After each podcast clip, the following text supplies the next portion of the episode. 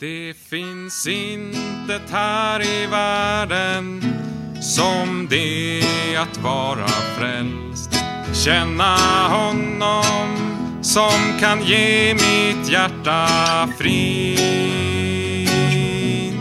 Möter prövningar på färden. Du kan bjuda vad som helst. Jag har Jesus, han som stillar själens strid. Om en sorger här mig tära är jag nöjd och glad likväl. Ty med glädjens olja har han smort mig in. Varje dag är han mig nära balsam till min själ. Viskar tröstens ord och kallar mig för sin. Om än skyarna sig hopa och det mörknar på min väg och om tårar skulle väta ner min kind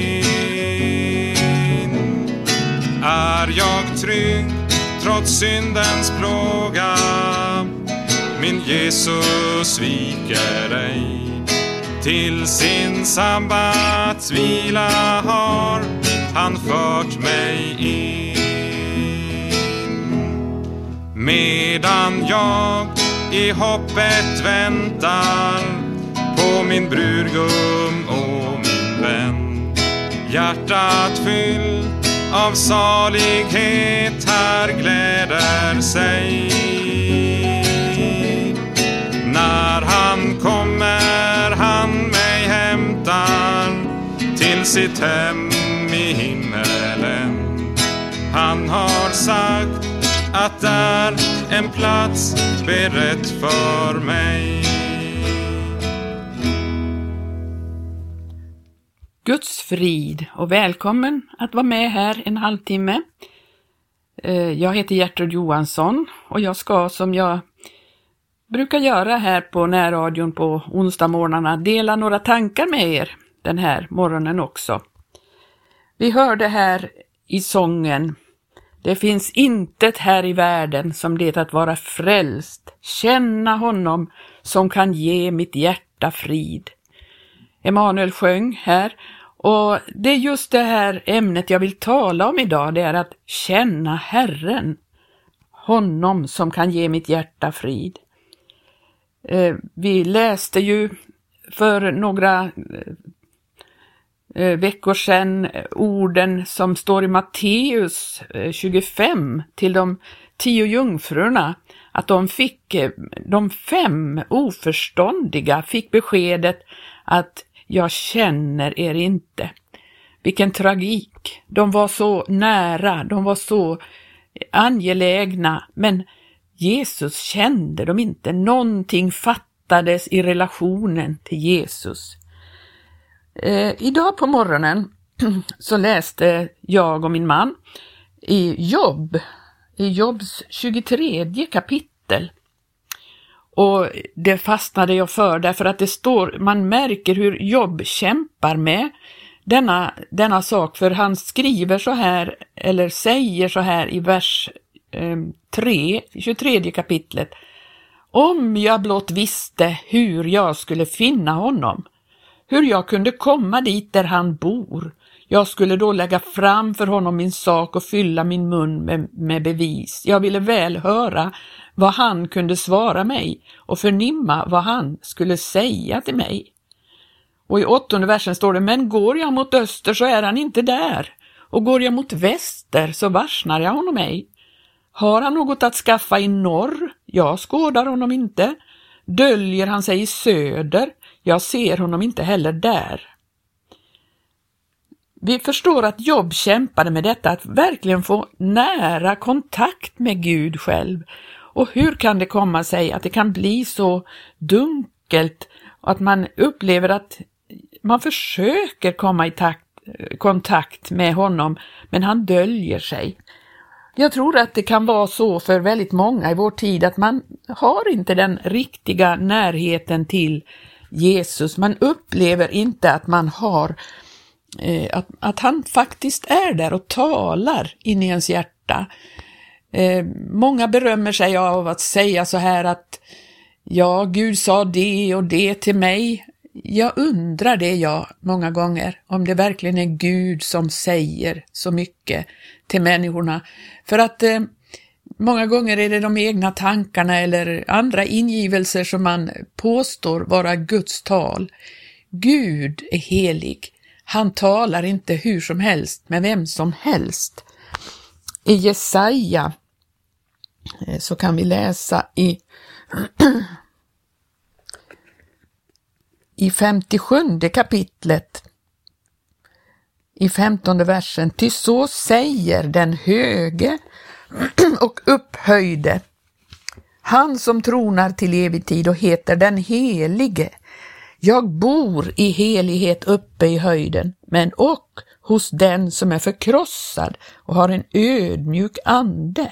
För jag vill giva liv åt de ödmjukas ande och liv åt de förkrossades hjärtan. Ja, jag vill icke evinnerligen gå till rätta och icke ständigt förtörnas, eljest skulle deras ande försmäkta inför mig, de själar som jag själv har skapat. Vi ser att Gud verkligen har omsorg om sina skapade människor, sina, de själar han har skapat. Han, han vill tala med dem, men han väntar på deras förkrosselse, ödmjukhet. Många gånger så är vi människor så stolta och Gud kan inte visa sig hur som helst för oss. Därför han är helig, han är, eh, eh han är inte en som dikteras av människorna. I Jesajas andra kapitel så ser vi lite om detta med hans helighet. Där står det i tionde versen, fly in i klippan, göm dig i jorden för Herrens fruktansvärda makt och för hans höga majestät. Ty människornas högmodiga ögon ska bli ödmjukade och männens övermod ska bli nerböjt. Och Herren alena ska vara hög på den dagen. Ty en dag har Herren Sebaot bestämt som ska komma över allt stolt och övermodigt och över allt som är upphöjt och det ska bli ödmjukat. Och i 17 versen, och Herren alena ska vara hög på den dagen. Människorna berömmer sig av sin höghet och människorna berömmer sig. Därför så kan Gud inte hur som helst eh, eh, låta sig, eh, låta sig eh, ses eller upplevas av människorna. Gud behöver lära människorna ödmjukhet först. Och det var det han fick göra med jobb. Han, han fick verkligen kämpa sig fram till detta att han fick nya erfarenheter med Herren. Han fick lära sig mer om Gud. Han fick helt enkelt lära känna honom. Jag har tänkt mycket på detta, hur det är i våra dagar. Jag är född på 50-talet. Eh, när jag växte upp, när jag var barn, så fanns det inte mycket mycket. Vi hade ingen tv, det fanns väldigt lite böcker och musik och, och olika ting att lyssna till.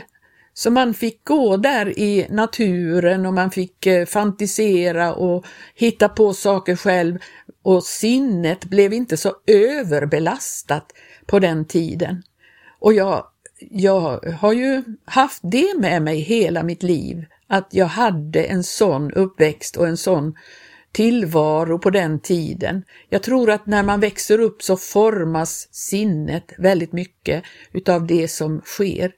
I vår tid så är det ju så att alla unga människor, man kan säga de som är ja, 80-tal, 90-tal eh, och 10-talet och ända fram till nu, så har ju unga människor haft ett så oerhört stort utbud utav stimulans för sinnena. Och man har eh, så svårt att vara stilla.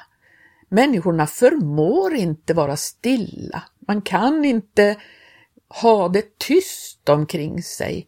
Man, man måste ha någonting i öronen hela tiden. Man måste också ha någon slags stimulans för ögonen hela tiden. Och man kan inte, man har, man har fördärvats i sitt sinne så till den grad att man kan inte vara stilla. Och jag upplever ju att ska man höra Gud tala, då måste man verkligen vara stilla. Och hur ska det gå för den generation som växer upp med allt detta?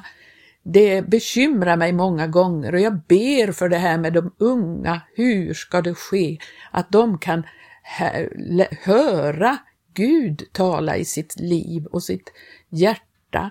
Och ibland undrar jag om inte det behövs ibland ett, ett um, gudsingripande, en, ett helande eller en kraftgärning för att människornas sinnen ska helas så till den grad att man kan börja höra Guds röst, verkligen lära känna honom. För vi måste lära känna Herren Jesus. Det är så oerhört viktigt. vi kan titta i eh, första Timotebrevet. Där står det så här i fjärde kapitlet.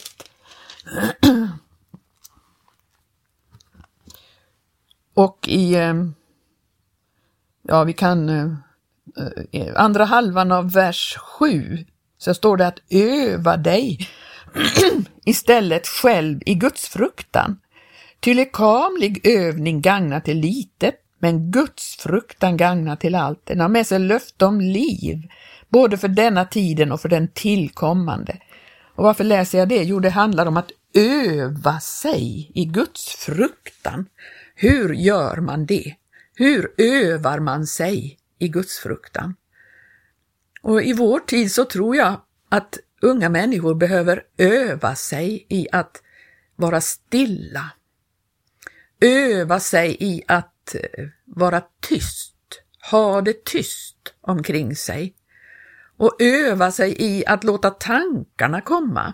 Många gånger så talar ju Gud i tanken till oss och på det sättet så kan vi möjligen bli så stilla när vi övar oss med det här, att vara stilla. Och eh, också eh, behöver vi liksom eh, ja, vänja oss vid att inte alltid ha denna stimulans för våra sinnen. Inte bara tillfälliga gånger att, att man övar sig i det här, utan vänja sig vid en tillvaro där man inte har denna, eh detta inflöde i alla sinnen hela dagarna.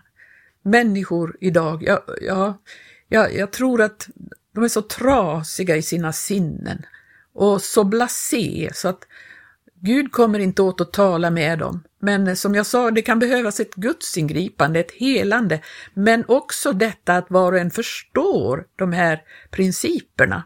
I mitt liv har jag upplevt att Gud talar, men han talar väldigt stilla i, i mitt innersta. Där kan jag förnimma vad han säger ibland. Och jag önskar att detta kunde bli en erfarenhet för dig, att du lär känna Herren Jesus. Vi kan se i psalm eh, 81 vad Gud tänker om saken. Han eh, önskar så att han fick komma åt att tala. I psalm 81 så står det så här. Ehm, um, 81 så säger Gud det här. Eh, Asaf skriver den, den här salmen, han talar om att höja glädjerop till Gud och så vidare. Och så säger Asaf så här, jag hör ett tal som är mig nytt. Och det var Gud som talade. Och då säger Gud så här, Jag lyfte bördan från hans skuldra, hans händer blev fria ifrån lastkorgen. I nöden ropade du och jag räddade dig. Jag svarade dig, hölj ditt ordön, jag prövade dig vid Meribas vatten, talar han mot, eh, om Israels folk. Och så säger han i vers 9, Hör mitt folk och låt mig varna dig, Israel, o oh, att du ville höra mig. Hos dig ska inte finnas någon annan Gud och du skall inte tillbedja någon främmande Gud. Jag är Herren din Gud som har fört dig upp ur Egyptens land. Låt din mun vitt upp så att jag får uppfylla den. Men mitt folk ville ej höra min röst och Israel var mig icke till viljes. Då lät jag dem gå i deras hjärtans hårdhet, de fingo vandra efter sina egna rådslag. O, oh, att mitt folk ville höra mig och att Israel ville vandra på mina vägar. Då skulle jag snart kuva deras fiender och vända min hand mot deras ovänner. De som hatar Herren skulle då visa honom underdånighet och hans folks tid skulle vara evinnerligen och han skulle bespisa det med bästa vete, ja med honung ur klippan skulle jag mätta dig. Detta säger Gud och jag tycker den här salmen uttrycker verkligen vad Gud vill. Han vill tala. Han vill inte dölja sig, han är bara tvungen att göra det tidvis för att vi ska lära oss någonting om honom. Han vill att vi ska lära känna honom som den helige Gud som han faktiskt är. Och eh, det kan vi läsa om i 77 versen, där står det så här. Psalm 77. Och trettonde versen. Eller fjortonde. Gud, i helighet går din väg. Vem är en Gud så stor som du? Och så står det i hela den här salmen så kan man se hur hur Gud eh, vill visa sig och han tröstar i nödens tid. Och, eh, men han är en helig Gud, han kan inte visa sig hur som helst, men blir vi stilla, då kan han tala till oss. Och så ser vi i psalm 83 hur Asaf upplever det hela. För eh, det var ju han som upplevde hur Gud talade de här sakerna, men i psalm 83 skriver han Gud var inte så tyst, tig inte och var inte så stilla, o Gud. Till och med Asaf som upplever sådana här saker kan uppleva ibland att Gud är tyst, han är stilla och så talar han med Gud om varför får, kommer inte domen över allt ogudaktigt som är.